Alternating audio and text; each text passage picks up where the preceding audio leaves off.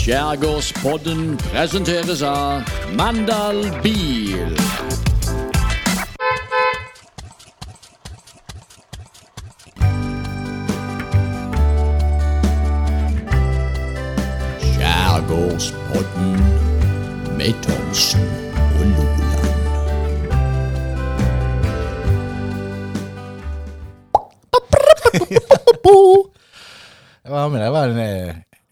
Finslig, eller kønslig start på sendinga. eh, Jeg hadde en kamerat en gang som er gått bort, med all respekt.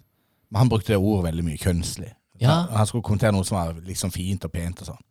Og det var veldig kønslig. Jeg har hørt det før. Det er flere ja. bruk. det. Er ikke så mange, men Ja. det er noen. Ja. Da var vi her igjen. Og du er tilbake fra Danmark. Ja, jeg har landa på norsk jord. Det var, eh, det var utrolig hyggelig å ha den sendinga ifra eh, Læsø. Nå var du ikke på Læsø, da, men jeg sier Læsø. Eh, Ja, for det var jo i uh, Skagen strand. Det var Skagen strand. Hulsik. Ja, men Det var utrolig hyggelig å så ha den, eh, gjennomføre den sendinga. Men det er jo mye hyggeligere å ha det tilbake igjen. Ja, det var veldig hyggelig. og Det er hyggelig å være tilbake. Det var veldig sikkert, For dere var det nok hyggelig å sitte her i studio og prate i vei og mens jeg satt på telefonen og løp rundt på den himla fotballbanen for å prøve å få noe fred og ro. Ja, Men det gikk greit. Og det passer seg jo egentlig veldig fint i forhold til det bevegelsesmønsteret på Skjærgårdspodden i forhold til lyttingen, for vi blir jo hørt over hele verden. Eh, Ja. sant? Og nå beretter du ifra, eh, i forrige episode eh, fra Danmark. Eh, og så har vi jo en eh, Kanskje flere, men 1% av våre lyttere de hører på oss fra Malawi. Ja, og det er Det har jeg nevnt før. Mm. Og her om dagen så ble jeg oppsøkt på Rema 1000 av en eh, mandalitt som sa Du, du, du, eh, jeg, vet, jeg vet hvem det er som hører på dere i Malawi.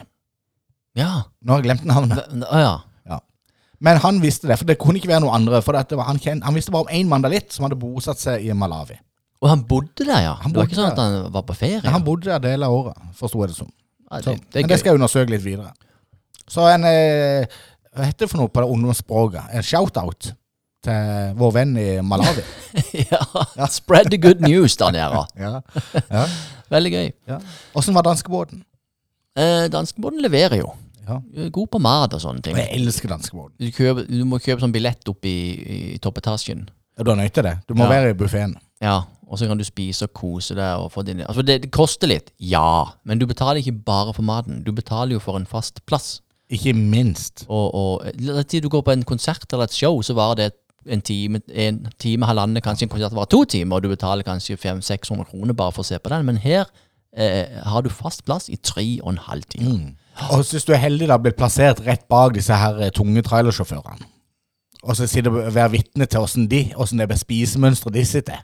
For Det er jo det er nokså fascinerende. Det mange, av de, mange av de som gleder seg, de har jo egen sånn korridor inne i buffeen som er eh, forbeholdt de. Altså du ser, du merker du, ja. Oh, ja, ja, ja. ja. Men vi har en tendens til å bli satt inn i barneavdelinga av en eller annen grunn. Men det, Har de barneavdelinger?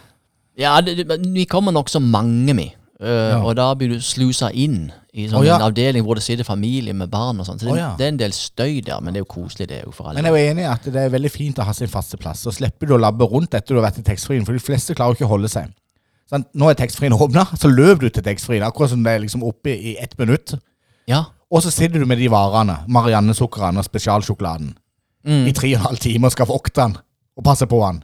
ja, ja, ja. Og da er det greit å ha sin egen plass. Absolutt. Ja. Uh, og så har du dette med toalettet på danskebåten. Eh, sånn, de fungerer jo greit, men det virker som folk er litt frustrert når de er på danskebåten. For du, Mm. Ja. når- du må på do, så gruer du deg litt. For du skal inn i ei røys av vann, urin, papir på gulvet, Ja. sprutbæsj opp etter alle kanter.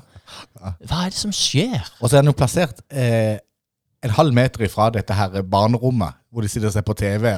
Det, det er nesten som å sitte drite oppi en sånn eh, eh, ballbasseng. Du vet når du hopper der. Ja, ja, ja. Bazinga! Bazinga! Ja. Ja, det er spesielle greier. Men det er koselig å reise til Danmark. Mm, og den båten er jo eh, en gave til oss alle. Ja, det er det. Jeg er veldig glad i det. Jeg kunne ha bodd på danskebåten. Jeg, jeg, jeg tenker ikke på været lenger. For uh, hvis, hvis det er kuling, så merker du ikke noe særlig det på superspeed. Han er så stor. Ja, han er det. Mm. Han er, han han er god i sjøen. Han er god i sjøen, den båten. Det skal de ha. Si. Ja. Et bra, bra, bra skråk, kan du si. Ja. Absolutt. Så sånn er det. Ja. Og du siden sist? Utenom at du møtte han på Rema? Nei, siden sist så føler jeg liksom at høsten er kommet da.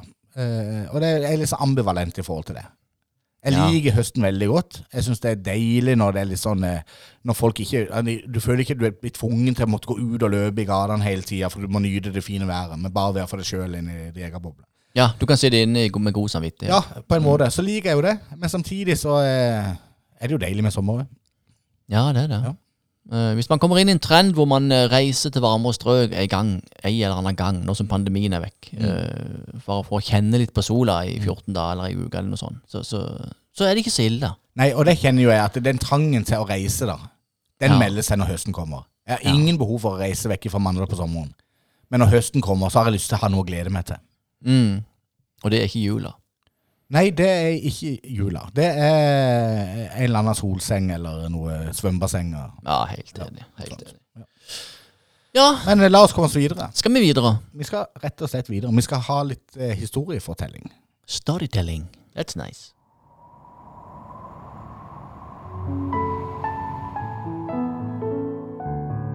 Historisk sus fra fordums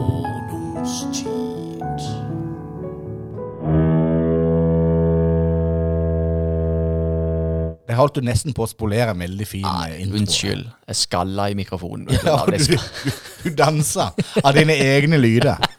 Det er utrolig fascinerende å se folk som sitter og beundrer sitt eget verk på den måten. er, det ikke, er ikke- det fascinerende? Jo, det er det. Ja. Og du gikk inn i en sånn slags transetilstand som gjorde at du bare skalla i mikrofonen. Det er, ikke, det er ikke bra på noen måte. Men vi skal til historie. Ja, nå gleder jeg meg, for nå eh, Noen ganger later jeg som at jeg aner ikke hva du skal si. Noen ganger så vet jeg hva du skal si. Og andre ganger så aner ikke Nei. hva du kommer med. Og det gjør jeg ikke nå. Jeg skal gi deg et tips. Ja. Så kan du gjette.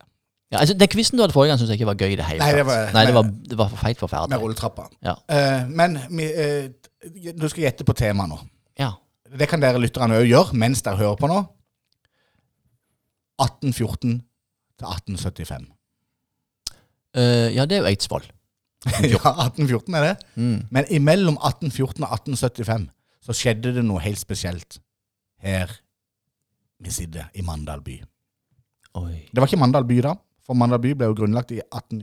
eh, 21. eh, i, beklager, 1921. 1921. Men eh, mellom 1814 og 1875, hva skjedde, Loland? Det skjedde mange ting da. Ja, det var jo eh, De skulle jo bygge det der huset. Det er helt korrekt. Ja. Det er ikke det vi skal fram til akkurat nå, Nei. men vi skal fram til eh, den lille byen med de store kunstnerne.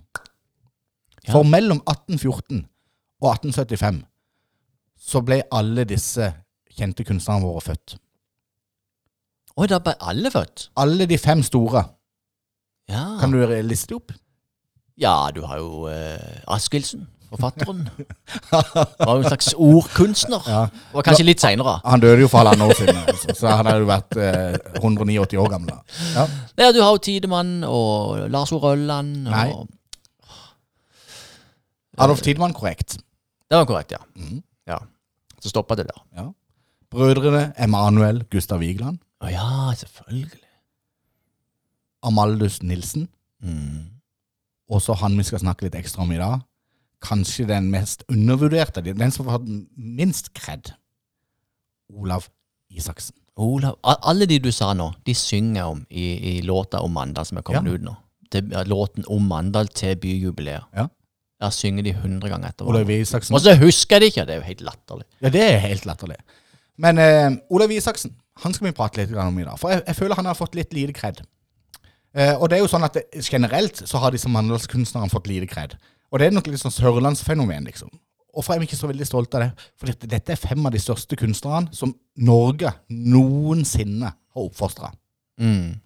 I samtida òg var de veldig kjente. De var jo blant de kunstnerne som fikk eh, en del kred mens de faktisk levde. Men kanskje den som fikk det aller minst, Olav Isaksen. Ja. Olav Isaksen ble født i Mandal i 1835.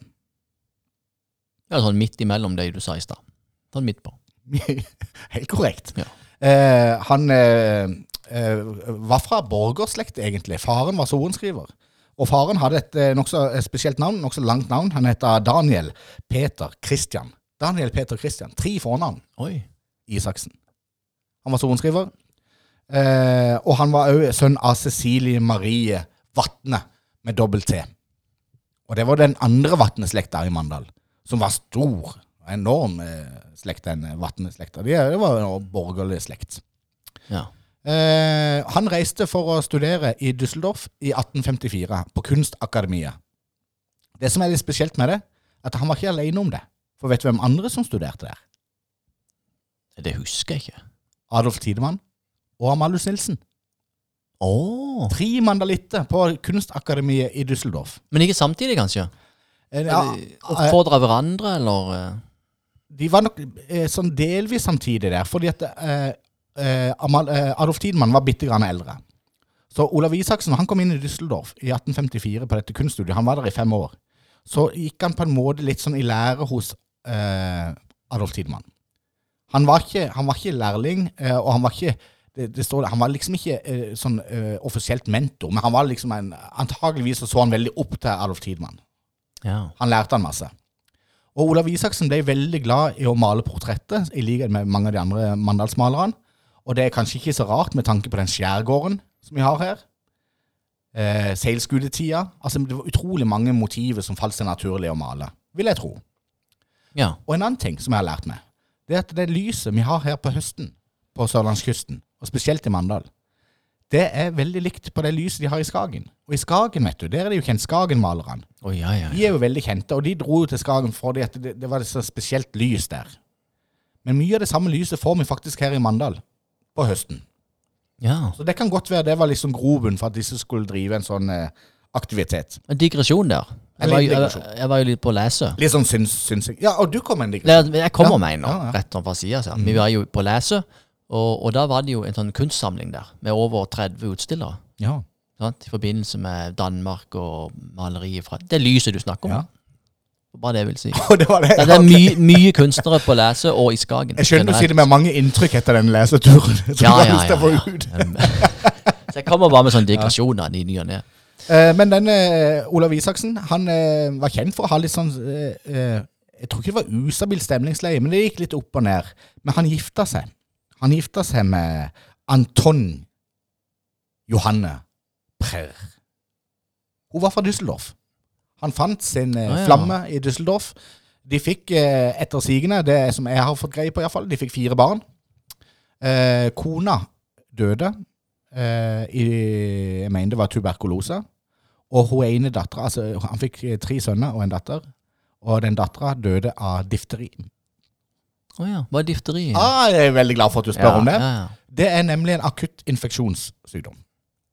Ja, Hva skal vi med doktor Lindland når doktor Thomsen Nei, altså, ikke sant. Det er jo Eh, men det sies at eh, han, eh, grunnen til at jeg innleder med at han fikk ikke den kreden han fortjente For det sies at etter kona døde og dattera døde, så levde han et nokså strevsomt liv.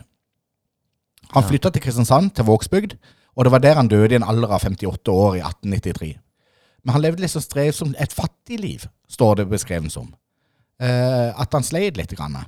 Eh, og, det, og det som er eh, interessant her, eh, det er jo at eh, tippoldebarnet til Olav Isaksen han kjenner jeg veldig godt og har jobba sammen med. Og han er veldig glad i Olav Isaksen og historien om han.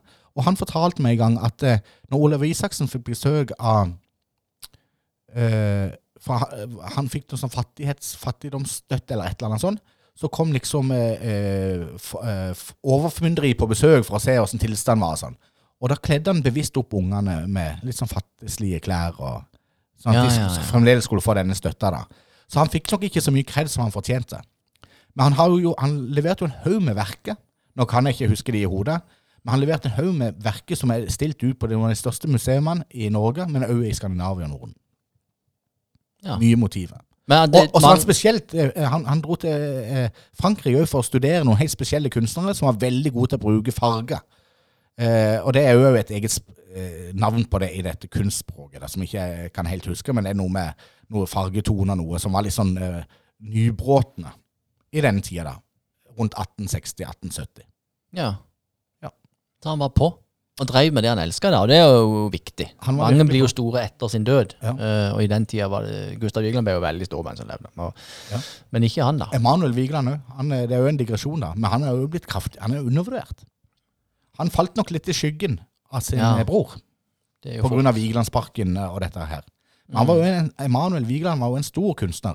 Og det som jeg syns er litt fascinerende med at alle disse ble født inn i den samme tidsperioden og levde samtidig, det er at disse, altså fem, disse fem store kunstnerne, som var blant de største vi noen gang har fostra i Norge, labba rundt i Mandals gate samtidig Ja. og snakka med hverandre. Møttes på kafeen, kanskje. Ja, ja, ja. Malte Ja. sammen. Eh, Drøfta ting med hverandre. Det syns jeg er litt kult.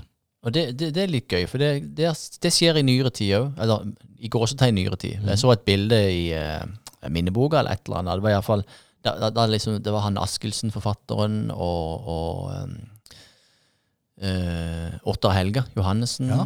Og eh, jeg tror Jan Engervik var der som ung visesanger. Ja. De var på Skagestad kafé. Så satt de der. Og så satt de sammen, ja. Ja, kunstneren. Ja. Musikk, bilder. Sant? Og satt og prata. Eh, det, det, var- det var sånn utrolig fint bilde. Du skulle tatt bilde. Du skulle ha malt det, Loland. Ja, malt da. Det var en god Hadde dette vært i 1857, så hadde Adolf Tidemann Nei, ikke 1857, for da var det jo Düsseldorf. Men eh, 1861 så hadde Adolf Tidemann sittet på utsida og malt Jan Engervik, Ottar Helge Johansen og Kjellar Skilsen, Ja. fra vinduet på utsida. Det, det, Det hadde vært vakkert. Det hadde vært nydelig. Men det var gøy. Det er veldig gøy ta, at du tar opp kunstneren her. Ja. Jeg, ja. De, de, de fortjener det. Eh, og så håper jeg at folk får liksom litt sånn eh, ah, Dette har jeg lyst til å finne ut eh, mer om. Og nå er jo internettet kommet for å bli, så dette, er noen, via noen lette Google-søk så blir man kjent med disse kunstnerne. Men en liten ting, som du sa i begynnelsen. Uh, Olav Isaksen var veldig glad i portretter. Og det var jo ikke så rart, siden vi har så fin kyst. Men portrett er ikke det, Motivet. ikke det er ikke motivet. jeg synes, ja, ja, ja, jeg men, ja. Oh, ja, jeg mente motivet. Altså landskap. ja. Mm. Jeg ble sånn veldig Landskap usikker oppi hodet mitt. Og og, eh, han har et veldig kjent eh, bilde. Nå husker jeg selvfølgelig ikke hva det heter, men det er jo med sånn en plante. Det er mange av lytterne våre som vet det sikkert. En sånn sl slyngeplante i rosa. Eh, og det var jo liksom nybrotende på den tida. Dette er hans mest kjente verk med noen sterke farver. Ja, ja. Var det han som hadde det der elg i solnedgang òg? Nei? Nei, det var, det var, det var, fyrste, det var Nittedal som hadde det. Ja, det var nok Nittedal fyrstikkfabrikk. Men, eh, men og, og så var han òg veldig kjent for Setesdalsmotivene. Ja, Han er kanskje den i Norge som er mest kjent for Setesdalsmotivene. Mm. Mm. det er jo spesielt, for det er langt opp. Det er langt opp. Ikke nå i dag, men den gangen var det jo det. Ja. Det var jo flere dagsreiser. Og han flytta jo til Vågsbygd i Kristiansand og hadde liksom ikke de linkene der, så, men allikevel allikevel var han veldig glad i Setesdalen. Ja. Tror Det er jo får, folk i eh, dag òg. De bygger jo hytter på Hovden der. og- Absolutt. absolutt.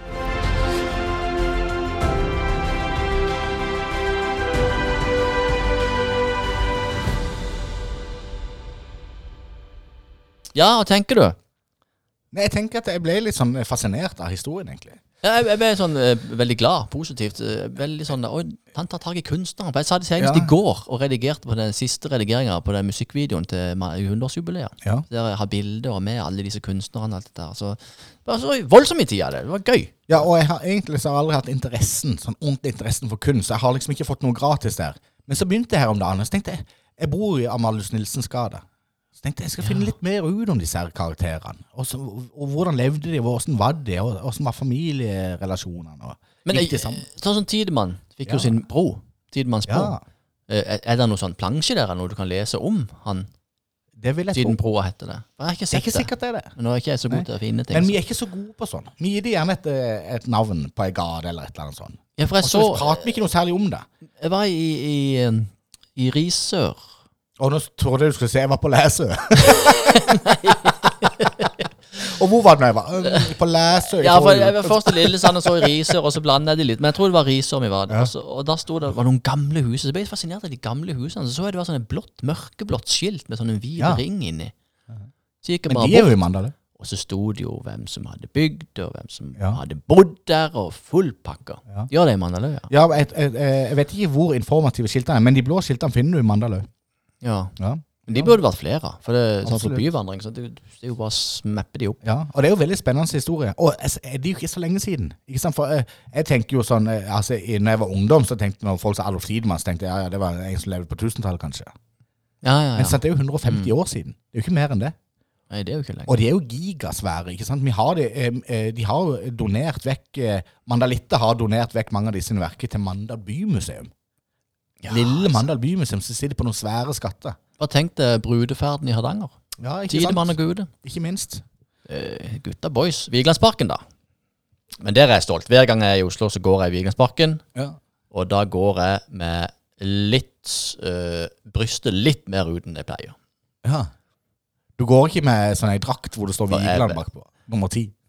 Eh, Nei, det gjør jeg ikke, men, men jeg blir stolt Ja. den, eh, fordi at eh, den parken kommer herifra. Ja, ja. Og han er jo litt din òg, på en måte. Linsnesværing. Du er jo mandalitt, men du har bodd mange år på Vigeland. Ja, jeg bor i Linsnes kommune, som, som du òg gjør. Ja. Vi er jo alle i samme båt. Vi er jo det, tross alt. Og nå skal vi snart bli enda flere i denne båten. Smooth overgang. Hva syns du om den? Det er nydelig. Ja, For nå skal vi gjøre oss klar for å ta imot ukens gjest. Ja da, ja da, ja da. Jeg syns jo at hvis du har sånn en skjærgårdspod, så kan du jo invitere gjester. Noen som har utmerka seg eller noe. Ja, det syns i hvert fall jeg, så.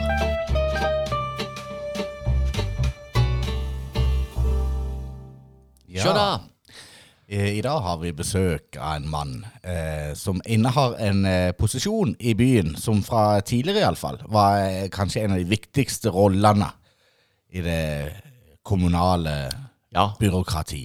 For Norges vakreste sommerby, som er dette en viktig stilling. Ja. Altså turistsjef. Selveste turistsjefen Ja, har kommet til byen. Skal vi bare introdusere han? vi må det. Ja. Skal du si første navn, for jeg har så lyst til å si mellomnavnet der. Ja. Uh, ukens gjest er Erling Knutsønn. Løfsnes. Ukens gjest i Skjærgårdspodden er Erling Knutsen Løfsnes. Han vokste opp i Asker og Drammen, men flyttet sørover for å leve ut sin drøm som turistsjef. Nå er han i Mandal. Ukens gjest, Erling Knutsen Løfsnes. Velkommen til Skjærgårdspodden, eh, herr turistsjef. Jo, takk, takk. Heter du turistsjef ennå? Nei, eh, det gjør ikke det. Eh, Mange tror at det gjør det, og mange omtaler det som turistsjef fortsatt. Men jeg er jo egentlig bare en daglig leder. Bare.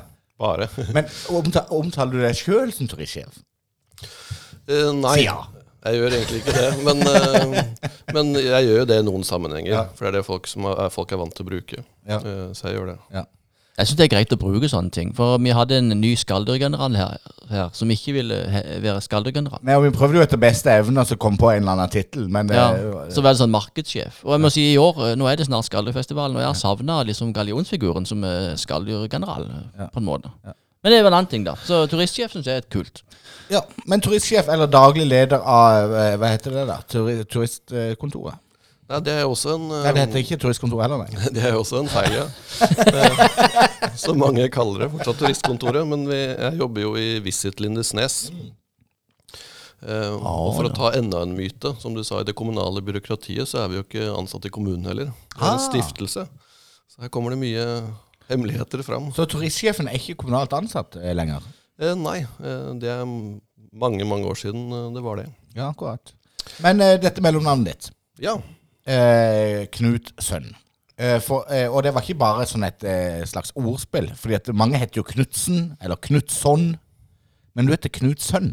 Ja, eh, det stemmer. Det, og vi har hatt litt tradisjon for det i min familie. Men eh, jeg mistenker jo det for at faren min skal alltid minne meg på hva han selv heter, så jeg ikke glemmer han. Ja.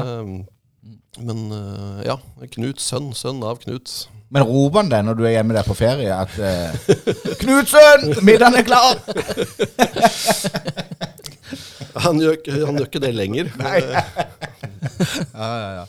Men åssen være er det å være Vi kaller det for turistsjef. Ja, det skal dere få lov til. Ja. Hvordan er det å være turistsjef for Mandal? For du er jo ikke fra Mandal.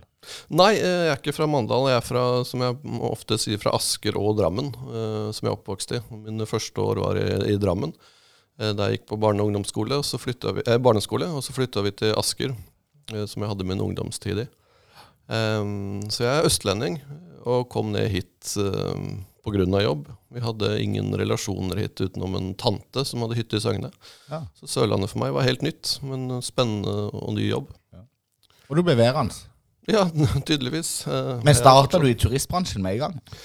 Jeg gjorde egentlig det. Eh, Jeg gikk jo på um, videregående, hadde reiseliv som valgfag en gang i tiden, i gamle dager. Og syntes det var veldig spennende. Var veldig glad i kartbøker da jeg var liten. Og når vi var på ferie, så satt jeg med NAF-kartboka og bladde og var superinteressert i det. Eh, Men eh, så begynte jeg etter hvert på høyskole i Lillehammer, på reiseliv da også. Og da satte jeg som et mål at i løpet av ti år så skal jeg bli turistsjef. Så det var på en måte min, mitt mål da Ja. da jeg gikk på reiseliv i Lillehammer. Eh, og så fikk eh, jeg og min daværende kjæreste et sånn prosjektstilling i Uvdal. Der vi Uvdal? Med, ja, Uvdal.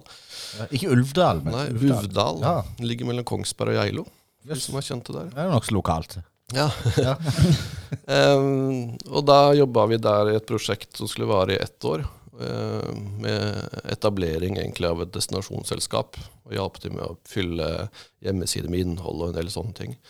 Og når de da etablerte, så utlyste de en stilling som turistsjef der oppe. Og den så jeg muligheten for å søke på. Så fikk jeg jo den. Hvor gammel var du da?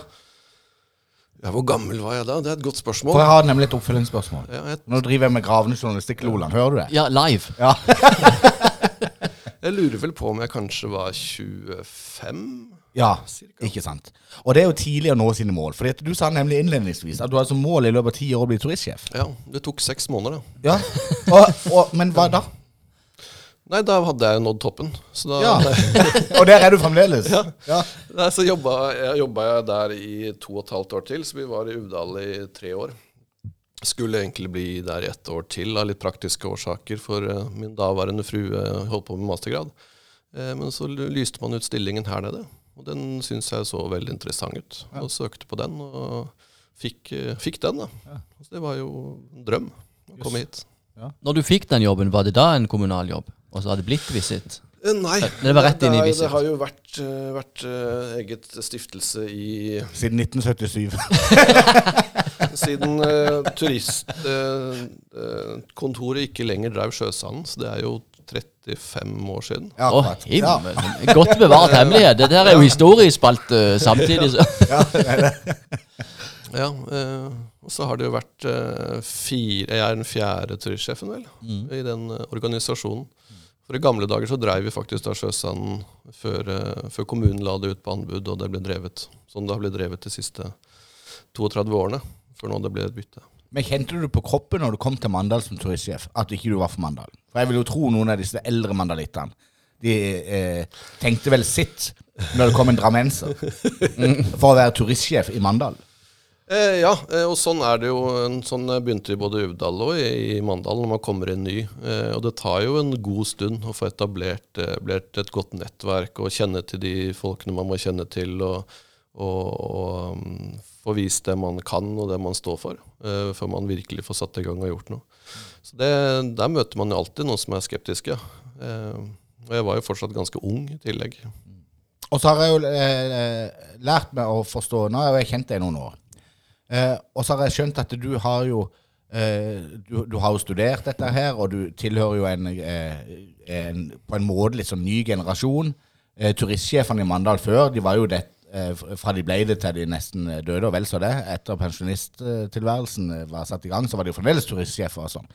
Og jeg husker for en del år siden så var det en del mandalitter som sa ja, men vi vet ikke hvem den turistsjefen er. Og det er liksom Mm. altså, veldig eh, Det var utrolig viktig. Vi må vite hvem han er. Akkurat som du nærmest skal sitte på en benk midt i gågata med skilt rundt uh, halsen. Her sitter turistsjefen. Kjente du noe på det? Eh, Ja, noe. Men jeg har jo en tanke om at det er jo ikke turistsjefens blide åsyn som driver utvikling og tiltrekker turister til byen. Så jeg jobba på en litt annen måte enn mine forgjengere. Eh, Nå ble jo den store turistsjefen Jan Johannessen fulgte graven i går. Ja, han gjorde Så det. det var en Med all respekt. Ja. Eh, ja, det var trist.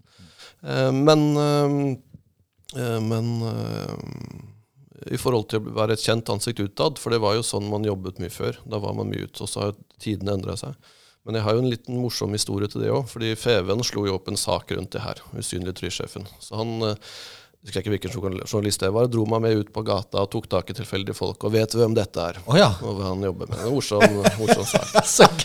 Og Men opp. han dro ikke med det, og så pekte Vet du hvem dette er? Og så pekte på det. Jo, jo. Eh, sånn, fysisk? Ja. ja, jeg, jeg syns det var gøy. Jeg, så, Det er jo fantastisk! ja, men det morsomme, morsomme i det hele var at vi Jeg hadde jo da barn i barnehage, og da traff vi på en tilfeldig gata som jeg kjente igjen, for det var jo moren til en av mine barns ja. venner, som hadde vært hos oss og spist middag og alt ja. mulig.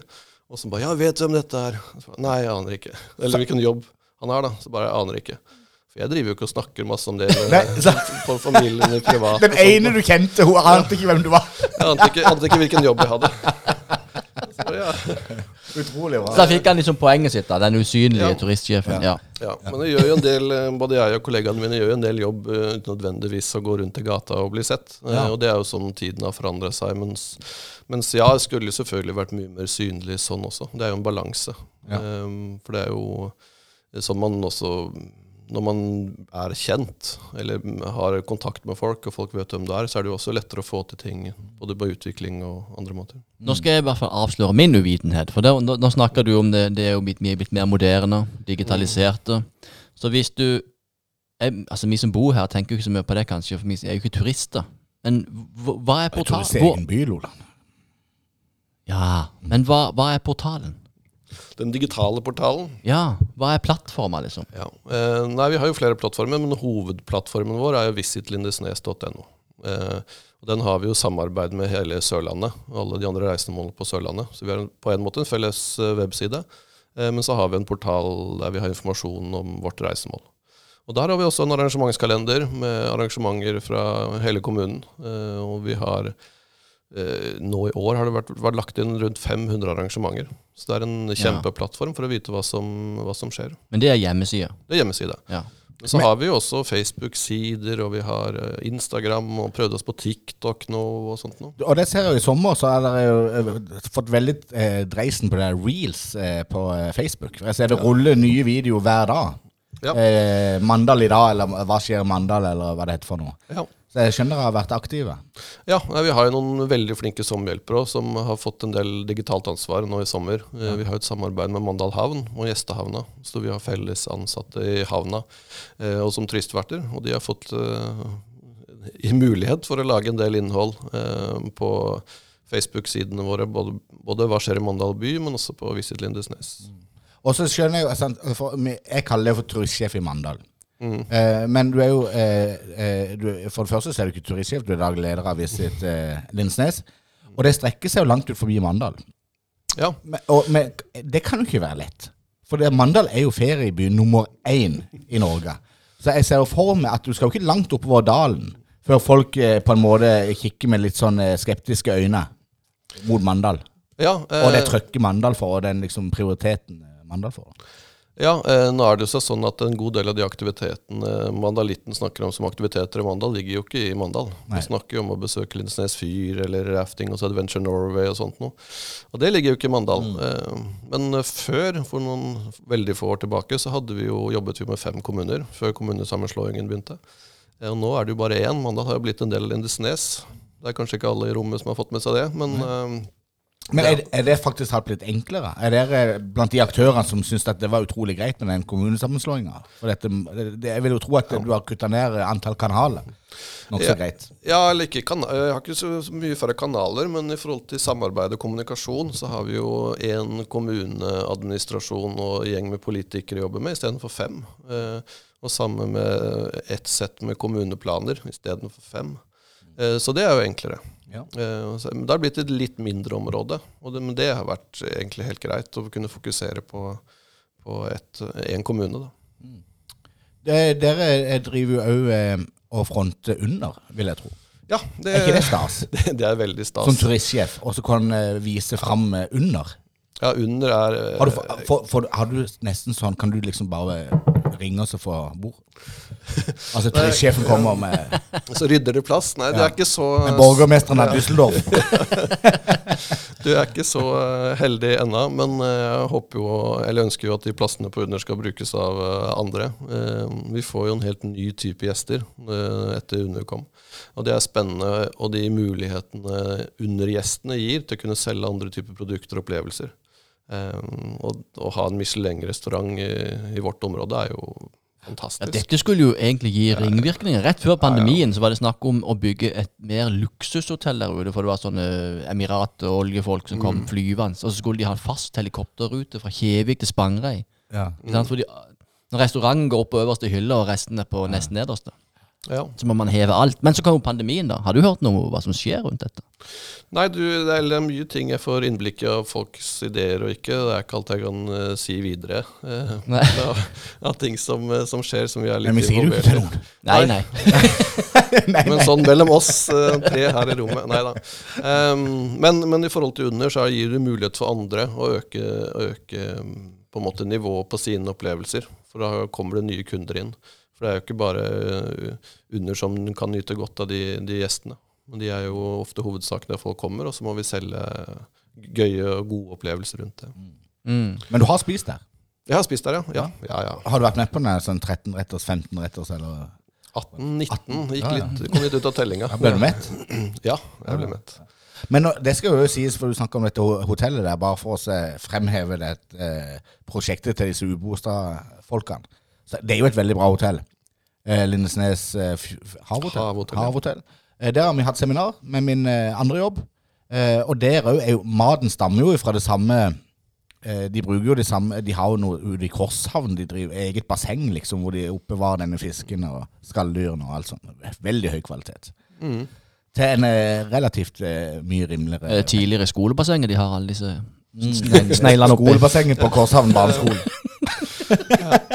Nei, altså Under er jo en utrolig god til å bruke, bruke naturen rundt seg og havet eh, til å lage alle disse spennende rettene de gjør. Og det er gøy at eh, altså de selv går i fjæra og plukker, plukker det vi skal spise på restauranten. Men da er det jo viktig å ha en bra restaurant i Mandal òg. Ja. og det er det jo. Det er flere. Å kunne servere turistene kvalitetsrestauranter i så liten by. Det, var er flere, det er flere. Og jeg hadde lyst til å avrunde med det eh, når vi har besøk av turistsjefen her. For hva er liksom ditt heteste altså, Hva er det som har gjort at du er blitt glad i Mandal? For du er blitt glad i Mandal. Nå har du jo eh, valgt å bosette deg her for evig og alltid. Ja. ja, nei, det er jo Men det er jo de tingene man blir glad i, må man også passe på at man ikke blir blind av. Altså, vi har jo utrolig mye fine ting eh, rundt oss, altså med furulund og strender og turmuligheter og skjærgård og kulturliv og hvite, hvite sørlandsby og alt det der. Men det er viktig at man ikke altså, glemmer at man har det. At Ja. man av og til stopper opp og tenker wow, vi har det faktisk utrolig flott. Ja. Eh, flott her vi bor. Og ja, hele pakka egentlig er, eh, er fantastisk. Dette var en eh, særdeles fin prat, Erling. Jeg må bare ja. beklage at eh, han ikke ble lengre. Fordi vi skulle gjerne holdt på og holdt på, holdt på men eh, tida renner litt eh, ifra oss. Men du må jo på til slutt si eh, eh, være litt mandalsk. Så du må si uh, 'Jeg har lyst til å bli gammel i Mandal, og jeg heier på Mandalskameratene'. Kan du si det? Du, jeg har prøvd meg på, på sørlandsk eh, er mandalsdialekter hjemme og fått mye hva skal jeg si, negative tilbakemeldinger på, på mine, mine forsøk. Eh, Men så lenge ungene dine lærer små, så er alt i orden. Ja, nei, eh, nå To av mine tre barn snakker jo eh, har en, en måte eller en form for sørlandsdialekt. Den siste eh, snakker jo ikke ennå, så vi får jo se hva hun eh, sier. Ja. Nei, men Dette var en herlig prat, Erling. Tusen takk for at du kom til Skjærgårdspodden. Jo takk, og tusen takk for at jeg fikk komme.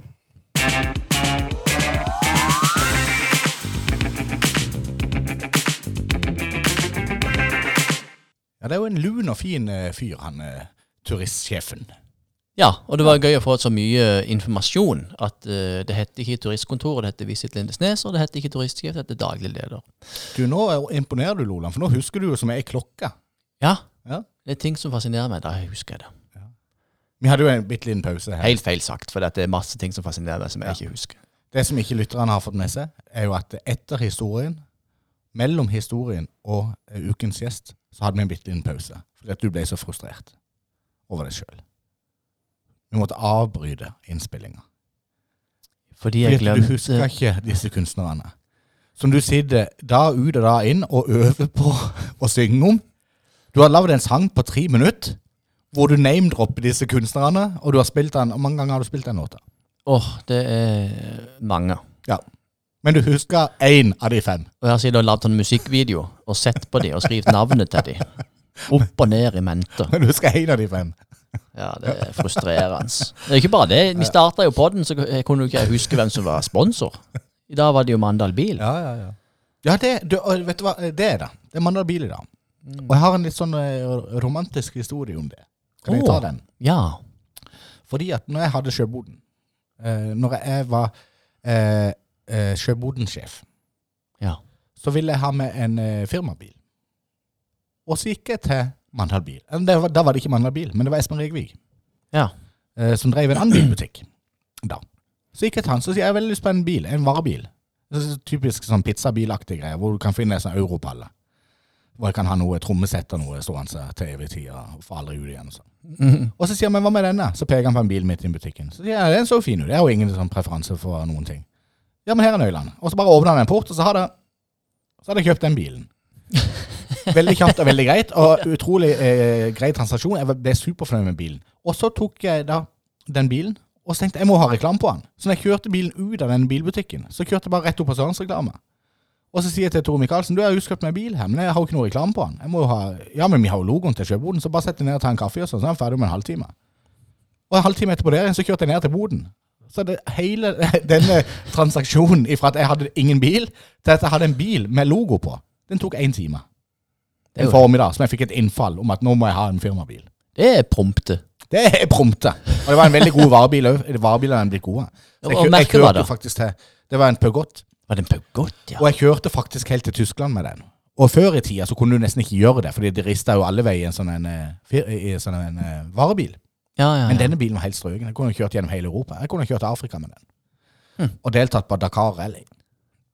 Mm. Det er en artig eh, liten historie Ja, på fra nå. dagens sponsor. Ja. Mm. Det kan du sikkert gjøre nå òg. Bare gå på Sivka en bil. Eh, likviditeten til sjøboden da, eh, da eh, på den tida, var jo eh, relativt eh, bra. Eh, I motsetning til Skjærgårdspodden. det er ikke sikkert jeg kunne stikke derifra i formiddag med en Nei, det er jo sant. Det er jo sant. Ja. Ja, skal vi flatlegge ting? Du, du hadde lyst til å gjøre det i dag. Jeg har en flatleggeting. Har du det? Ja, Den er ikke, ikke så stor, men han er, er, litt, han er litt artig. Jeg er veldig spent nå, for jeg aner ikke hva du skal til med.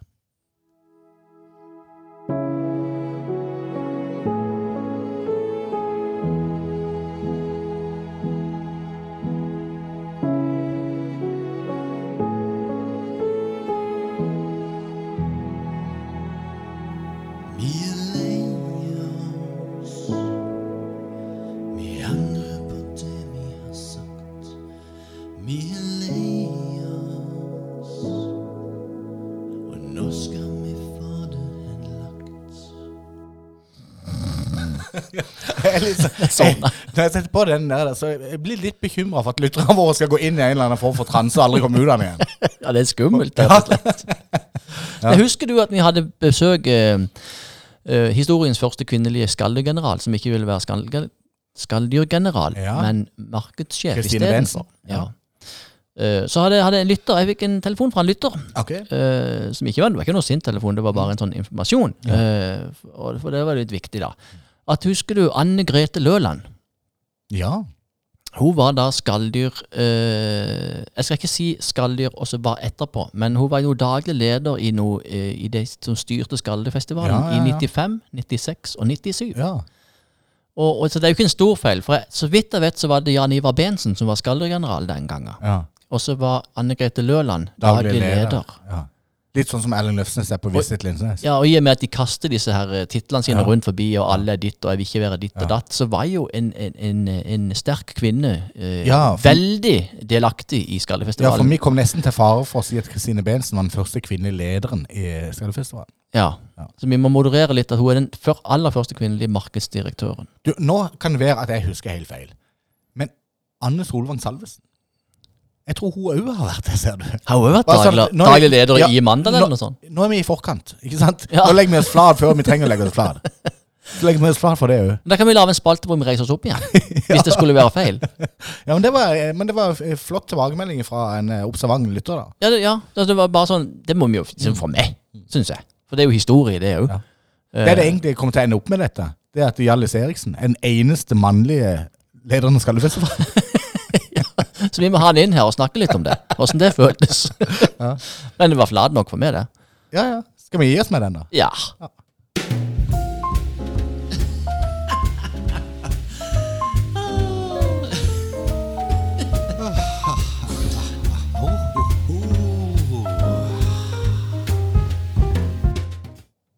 Se det. Ja. Det var Flåklypa Grand Prix-låten. Er det? Ikke, det ligner litt på det der når de alle er glade og alt går så fint. Ja, Åssen er den? Ja. Ja, jeg, det, det, jeg snakker bare fritt fra hukommelsen nå. Så jeg har ikke noe, Åssen gikk den, kan du ikke spørre om, nei. ja. Du, jeg glemte å si en ting i stad når du spurte åssen den siste uka har vært. Ja. Eh, for det har vært et ekstremt trøkk rundt eh, en eh, Sinnaspalte eh, som jeg leverte for et par uker siden. Hvor jeg tok for meg han der, der, der eh, køllemannen som eh, måtte selge båten pga. at han hadde brukt for mye drivstoff. Mm. Og han hadde ikke råd til å sitte med båten da, og ikke nok med det, men hele ferien hans ble ødelagt. Ja. Så han måtte bestille en 14 dagers tur til Kroatia for han og kona. Ja. Uh, og så var han òg eks-visepresident i Statoil. Ja. Ja. Uh, men jeg har fått mye trøkk på det i det siste, så jeg har bare lyst til å si det. Så det var egentlig det. At det, det, har, vært, det, har, vært mye, det har vært et sterkt fokus den siste uka. Det har vært mye spin-off rundt den. Det har det. Storm i dette berømte vannglasset. Kanskje vår første ikke sånn lokale sak. Ja. Ja. Det er jo litt gøy når vi, vi bare tar liksom, riksmedia. bare skyter ut ting som vi har lyst til å legge til. Ja. Så, så, så var jeg på en eh, forretning her, og så spurte om jeg kunne låne toaletter. Ja. Og så eh, hadde det antagelig vært noe rett før, for det ser man jo nokså fort. Mm. Uh, og så var det en veldig sånn veldig konkret lukt av wienerpølse i brød med ketsjup og sennep. Ok. Så jeg tenkte jeg skulle komme inn til den møkkalukta, og så lukta det bare wienerpølse i brød med ketsjup og sennep. Det var først jeg tenkte på da jeg kom inn. Og kun der inne på toalettet. er det noen som spiser pølse så heftig og uten å tygge at det går bare rett gjennom systemet og ut? Og lukte på en måte som gjør at du har lyst på wienerpølse med ketsjup og sennep når du går derifra. Jeg kan ikke stå med hånda på hjertet og si jeg fikk lyst på wienerpølse. Men det var en spesiell opplevelse. Ja, ja. Da vil jeg bare nevne det. Ja. Det var det. Men apropos eh, riksmedia, for å ta det litt ned til lokalmedia, så kom jeg over en sak i går som jeg syntes var utrolig gøy. Så jeg måtte ta skjermbildene på telefonen. Og lokalsak? Ja, relativt lokalsak. Ja. Eh, litt vest. Fortell. Lyngdalsavisen. Ja. Eh, jeg fikk jo ikke åpne den, for det var sånn plussak der, og så var jeg ikke interessert nok til å lese resten av Lyngdalsavisen. Så det, eh, det holdt, for meg holdt det massevis med tittelen. Og, og ikke minst den ene kommentaren da, som lå på Facebook i forhold til den saken. Men det var jo en sak om at ute i Korshavn, eh, som er der ut mot Farsund, eh, som jeg har forstått, over heia med Lyngdal der en plass. Får jeg sikkert kjeften, må jeg legge meg Ja for, ja, for det blir jo ikke det. Men, eh, Nei, du har vært og spilt der. ja. Men på vei ut mot Korshavn så står det et skilt, i hvert fall, et blått skilt, som vanlig stedsskilt, hvor det står Korshavn på. mm. Og så var det bilde av dette skiltet, som ikke sto på de her to søylene sine, men det sto på bakken. Oh. Og så sto det en sak om at eh, nå har noen forsøkt å stjele dette skiltet igjen. De har skrudd det ned med alle de boltene. Det så sånn men ut. fikk ikke stjålet det, så de satte ned foran. Nei.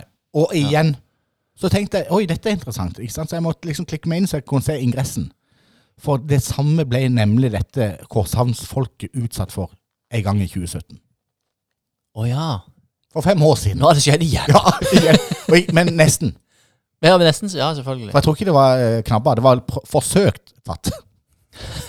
Det er jo forferdelig. En nydelig sak. Det er godt de får tatt det opp. Ja. Så jeg har egentlig Hva var kommentaren? Eh, Ja, det, det, det var kanskje den gøyeste. Eh, For noen hadde kommentert dette, i, for det blir jo delt på Facebook, og da er det jo åpent for alle til å lese kommentarene. ja, det er det. altså. Man skal være forsiktig med det, for det har du sagt før. Du kan ikke bare lese overskriften og så begynne å så hagle ut på, på kommentarfeltet. Du må Nei, sette det- deg inn i saken. Det er veldig sant. Og så trenger man jo ikke å si noe navn. Nei, Men mens du finner fram den, så kan jeg si at hvis du skal til Korshavn, så kjører du jo ut mot eh, campingplassen på Lyngdal, på der som Sørlandsbadet ligger, og så videre og utover der. Veien over til, over til Spangereid, faktisk, og utover der. Og er det det? Ja, gjøre ut til Farsund, så er det jo motsatt side, altså lenger vest og så utover. Er det over Ballestadhavn? Eh, Ballestadheia? Er det det det heter, ja? Her- Jeg Ballestadheia. klarer ikke prate, vet du. Det Eh, er jo en skam når du driver podkast og så driver mumler som jeg gjør. Ja, det, det, jeg skal vise det. Nå kan ikke lytteren se det, men det er sånn er bildet. Det er veldig fint. Snøbilde på toppen av det hele. Det er snø og Ja, greier. ja, ja. Så, eh, og så står det her Også i 2017 ble skiltet forsøkt fjernet. Ja, for dette her er jo sånn et bilde, arkivfoto, som Ja. er fra 2017. ja. Ja. Jeg tror ikke et nytt et. Men så er det én kommentar. Veldig smart, oppegående leser av Lyngdal Avis. Kanskje det kunne vært eh, lurt å begynne å selge sånne skiltklistremerker på butikken. Ja, det var ikke så dumt. Nei, så sl- slipper man det styret med at folk skal skru ned det skiltet. Ja. Er, er det så spesielt at det heter Korshamn, eller havn? Nei, det vet jeg ikke. Nei, for det, folk, Men skulle- noen vet. folk har jo stjålet uh, Ja, noen skiltet ja. skilter på snik. Jeg har ikke tenkt på Ja, det, men- men, men snik. På, Ja. på, vi sier jo snig, Ja, men det står jo en snik. ja det gjør At du det. er en snik. Ja, det er gøy. Og de skiltene blir jo tatt av østlendinger. For det er så gøy at det er et skilt som står 'snik' på. Ja, og så kan det jo være at det er noen eh, eh, korshavnværinger som savner Korshavn, og så bor de på en hybel i Oslo, og så har de vært hjemme på fylla, og så syns de å, jeg må ha med meg noe fra Korshavn. Ja, ja, det er jo mange muligheter. Det er klart. Who knows? Yes. Who knows? Men vi må komme oss videre, for nå er det så god stemning her at vi er nødt til å bli litt sinna. Med?!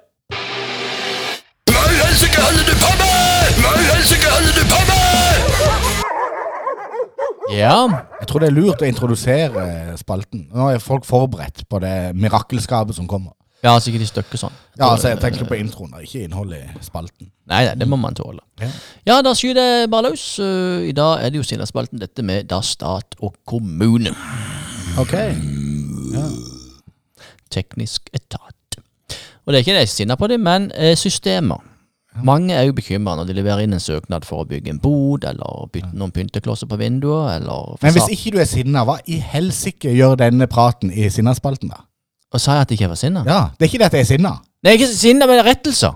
Ja. Sinna på systemer, ikke sinna på noen personer. Å ja, sånn, ja. Det er jo mye Ok, ganger, ja, Mange ganger så skal man, skal man være sinna på en person, men det, man trenger jo ikke alltid det. Nei. Eller, en, eller en folkegruppe, eller en type menneske, osv. Ja, ja. Ja, ja. Ja. Dette er mer sånn o- mot teknisk etat. Når du leverer inn en søknad, så blir jo veldig mange sinna. Mm. De leverer inn søknaden på huset, og så sier de samtidig som de leverer den, hva helst ikke hold deg på meg! Mm. Hvorfor gjennom denne saken her? Og så leverer de sa- byggesøknaden sin, og så aner de ikke hva som skjer. Ja. Så er du bare venter. Går det ei uke? Går det tre måneder? Ingen vet. Du ringer til kommunen og spør, de vet heller ikke. Ingen vet. Eh, blir jeg satt i bunnen av bunker fordi at de liker meg ikke? Eller For det er jo sånne myter som går rundt. Ja, jeg ja, for Snekkerne får gjennom alt med en gang, fordi de prioriterer jo de, men det er ikke sant. Men det vet vi jo ikke. Eh, Det som jeg etterlyser, det er et offentlig system. Altså, eh, du går inn på um, um, www.lindesnes.kommune.no. Det er hjemmesida. Ja. Og der kan du, skulle du kunne trykke inn på byggesøknad, og så kan du se alle sakene som ligger der. Nå kan du ikke det. Ja, og noen sier at det er noe sånn greier, men hvorfor har vi ikke hørt om det, liksom? Hvorfor, ja. Men har du sjekka det ut? Har du vært inne på www.linsneskommunen.no? Det har, vært, mye der inne. Ja. Og du har ikke funnet byggesøknaden? Jeg har aldri sett noe sånn eh, at du kan trykke her for å se det, Nei, liksom. og du har leid etter en søknad? der? Ja, for jeg hadde, ikke lenge siden jeg hadde en søknad sjøl, og det gikk for øvrig veldig greit. Men, eh, men, eh, så det, men, men eh, da fikk jeg den følelsen at jeg ante ikke hvor i systemet saken var. Ja. Hadde ikke peiling åssen det Ja. fungerte. Så det, etterlyser bare en offentlig eh, innsyn i alle saker. Ja. Hvem har søkt, når søkte de, hvor er saken kommet i systemet, hvilken saksbehandler har fått tildelt denne saken. Sånn kan, og det er jo ikke skummelt, det. Nei? Altså I verste fall så kunne man jo valgt man leverte inn og si at 'jeg vil ikke på den lista'. Ja. Men da du, kan du bare takke deg sjøl. Ja. Vær så god, takk skal du ha. Ja, men da, eh, nå oppfordrer jeg Du sitter bare og ler, du! Jo, for det, jeg, eh, eh, nå eh, har jeg lyst til at vi skal bytte om på spalten. Og kalle den for Oppfordringsspalten, og ikke Sinnaspalten lenger. En høflig, ydmyk og snill oppfordring. Ja, Men jeg er jo ikke sinna hver er eneste uke. Men jeg er jævlig forbanna. Oi. Så nå kan du glede deg. Oi, oi, oi, Nei, det er oi. ikke jævlig forbanna. Litt forbanna. Jeg er forbanna på abonnementstjenestene. Abonnementstjenestene i flertall. Ja. ja. Alle disse hundrevis av abonnementstjenestene som jeg blir lurt inn i, og som lopper meg for alle, alt jeg eier og har. ja Fordi at jeg vil se en fotballkamp. For i begynnelsen av juli så spilte Arsenal en eh, nokså ubetydelig treningskamp. Og så plutselig kom det opp på VG. Å, du kan se denne her på VG live. Kan se kampen neste. Å, det er jo gøy at de har en egen sånn streamingtjeneste på VG live. Det er jo Ja, kjempegøy. Klikker vi inn på den. Ja, nei, men det er jo en abonnementstjeneste, da. Eh, som eh, ikke bare varer den kampen, men har varer eh, en måned. Og så må du bare huske å si det opp. Og så fikk jeg i går melding fra VG. Eh, gratulerer, ditt abonnement er fornya med en ny måned.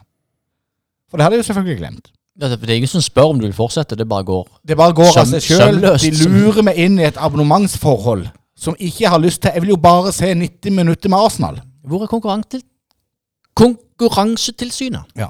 spør jeg. Så det, er jo svindel, det er jo svindel.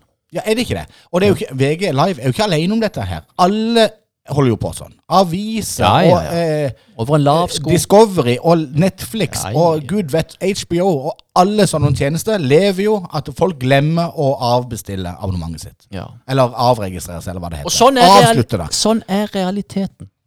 Og det er jo selvfølgelig frustrerende. Ja. Men da kommer vi tilbake igjen til det jeg snakker om. Hva med å ha et system hvor du har en oversikt over Ja. alle abonnementer? Så kan du jo si de opp etter Og hvert. det var deilig å gå ifra å være sinna til å komme til med en oppfordring. Ja. En høflig, grei og ydmyk oppfordring til de som driver disse abonnementstjenestene. Kan jeg være så snill og lage et eh, oversiktlig system? Det, det savner jeg faktisk. Kan jeg gå inn på telefonen min og så bare se på Det fins kanskje allerede. Alle mine abonnementer. Noen banker har det. Noen banker. Noen banker har den tjenesten, at du kan gå inn og se få oversikt over alle abonnementene. Eller noe sånt. Har jeg hørt. Ja. Og så har jeg bare lyst til å gå og klikke, liksom. Ja, nei. Ja. Fortsett. Eh, slutt. Ja. Ferdig. Men det er jo helt eh, Du må jo nesten skrive et eh, ti sider langt brev med en eh, nokså god argumentasjon for å få lov til å si opp et VG Live-abonnement. Mm. Det er ikke gjort for hvem, hvem som helst. Jeg kommer jo til å ha dette abonnementet i nokså lang eh, framtid, er jeg redd for. Det er jo akkurat det samme med de der eh, mailene som hagler inn, sånn reklamemail. Ja. Du må gå inn og unsubscribe. Ja. Eh, Jeg blir gal. Det er derfor jeg har 3249 uleste mail i innboksen. Ja, og så fikk, får jeg sånn fra den der sånn bank ko- eh, Jeg skal ikke si navnet på den møkkabanken engang, men de, de, de, sånn der kredittkortlån Ja. som jeg får hele tida. Hvorfor vil du ikke si Så navnet ringte på jeg til den? det. Jeg ring, jo, for da blir det reklame for et kredittselskap, og det gidder jeg ikke. Nei, det er jo ikke det. Du s- tar det jo. Du sverter det jo. Å ja. Det passer jo perfekt inn i sin Ja, Kanskje fordi jeg ikke husker hva de heter. Ja, ok. Det er, jo sånn komplett bank eller Ja. et eller annet som kommer mail hele tida. Til slutt så, så går det ikke an å uns unsubscribe. Som det Unsubscribe. Mm. Og det går ikke an. Jeg finner det ikke ut av det. Nei. Og så må jeg trykke meg inn, og da kommer jeg bare inn på hjemmesida og får tilbud om sånn kredittlån. Så jeg ringte til de til slutt. Jeg ble så sinna. Så ringte jeg til de. Så, s- jeg vil ikke ha dette dritet her. Slutt å sende meg! Her er min e-postadresse. Det er adressen. Ja, men jeg kan ikke si at du er oppført her. Dette må komme via noe Google Ads eller noe. Tror du du blir mer forbanna da, eller mindre? Du blir mer forbanna. Ja. Det, de hadde ikke noen løsning på det. det for det gikk, via, velger det gikk via Google Ja. Ads. Og hva velger gamle Loland-mannen å gjøre med det? Da kommer med velger- en oppfordring Nei, jeg om å lage et eller annet system. Ja, gjerne lage et system, men nå har jeg meldt meg ut av samfunnet og, og, og har kjøpt tomt på Liberstad. Så nå skal jeg opp der. Tilhører ingen. Ja, det er så godt å være ute, vet du. Ja.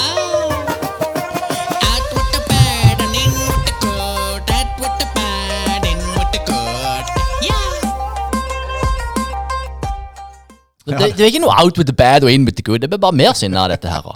Hva blir du mer sinna av? Nei, At jeg, vi jeg, jeg er fyrt opp nå. Ja. Det var ikke det som var meninga. Nei, og eh, Takk for eh, input i min eh, spalte. Kan du huske hva den dreide seg om? Den som du bare adopterte og tok over? Ja, abonnement. Og ble enda mer sinna? Ab ab ab ab ab ab ab abonnement. Ja, ja, ja. ja, ja. Yes, hvor er vi? Men det irriterer meg òg. Ja. jeg vet at vi er ute av spalten, da. Men, men når jeg abonnerer på f.eks. avisen, så får alle rundt meg som ikke abonnerer på den Jeg betaler jo mange hundre i måneden for dette her. også. Men alle rundt meg som ikke abonnerer, de får sånn tilbud om én krone for tre måneder. ja. Ja, hvorfor får ikke jeg det? Jeg betaler jo flere hundre i måneden. Som har vært en lojal Ja, eh, betaler. De burde ringe til meg og si at nå, nå skal du ha gratis abonnement du, Loland, i tre måneder. For nå skal vi tilby noen helt uh, folk utenifra som skal få det for én krone. Du skal få det billigere, for du er lojal. Jo, men sånn er det jo med forsikringsselskap og telefonabonnement og sånn. òg. Som ny kunde så skal du nærmest få det gratis. Ja. Men som en lojal, eksisterende kunde gjennom et helt langt liv, sånn som min far for eksempel, som har eh, sverga evig troskap, eh, vil jeg tro, til Sparebanken Sør og Telenor, de her tunge Ja, ja, ja. institusjonene. Han betaler antageligvis mest, Ja, Ja. garantert. for han vet de. De vet at de har han We got him by the balls. ja. ja. ja, er det Nei sånn da, så sånn er det. Ja, sånn er det med den saken. Eh, et sitat, mann. Vi hadde en, en liten pause i stad. Jeg nevnte jo det at du måtte ha en sånn eh, frustrasjonspause når ikke du kom på disse berømte kunstnerne. Mm. Men da lirte du av det sitat etter sitat etter sitat. Og eh, hvis vi avslutter denne drøsen da, med sitatet til Ole Paus, kan du huske det? Det var litt fint. Ja, for Ole Paus har det så godt. Vi har alt, men det er også alt vi har. Ja. Og det er det du tenkte på? Det var akkurat det jeg tenkte Ja. på. Syns det hørtes mye finere ut i stad, men kanskje andre gang så blir det litt kjedelig. Jeg vet ikke. Nei, la oss komme oss videre. Vi må uh, få inn noe eh, ordentlig eh, hjerte... Blodet pumper gjennom hjertepumpen. Blodet pumper gjennom hjertepumpen.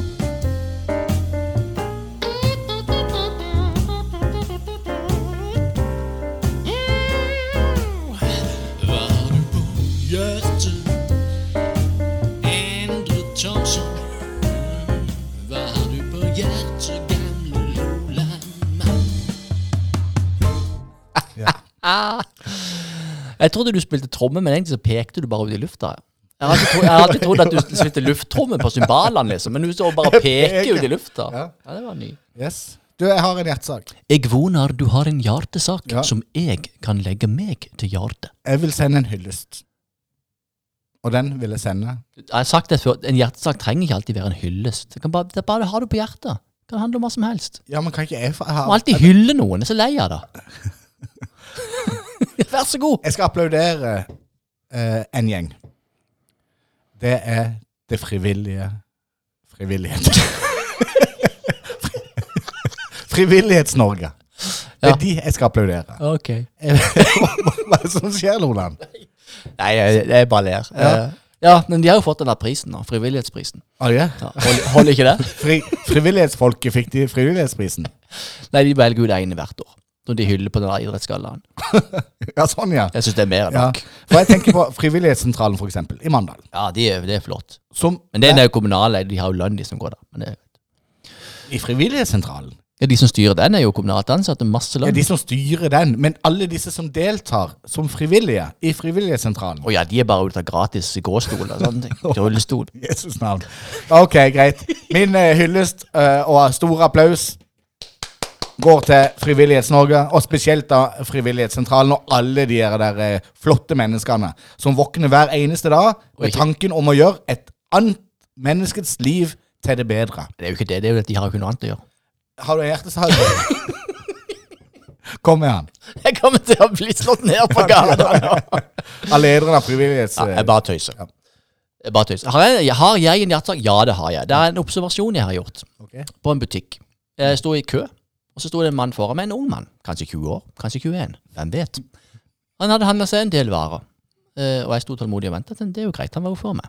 Så piper han inn alle varene, og så får han prisen, og så betaler han, og så skal du ha kvitteringer? Ja, det kan jeg godt, sa han. Og så lå alle varene der. Og så gikk han ut i ganga der med handlekurven og henta sekken sin. Og så kom han tilbake igjen, og så la han alle varene i sekken. Ah. Og da tenkte jeg Hæ?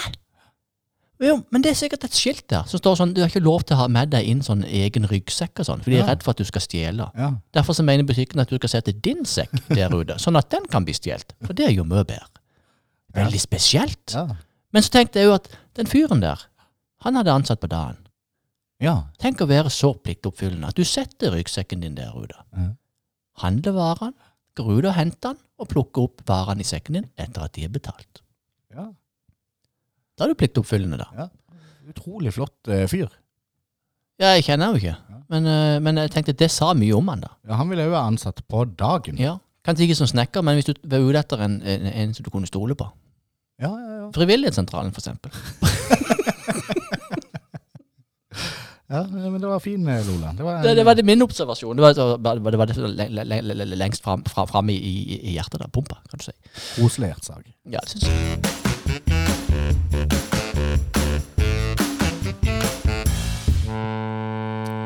Veldig stemningsstyrt, uh, merker jeg.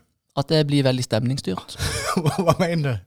Nei, altså Jeg er trøtt på morgenen, og så går det litt tatt, og så Blir du overtrøtt? Ja, antagelig så er jeg overtrøtt, og så, så, så fyrer det Ja, for til morgenen ja, så var du litt trøtt. Ja, yes, var mye. Ja.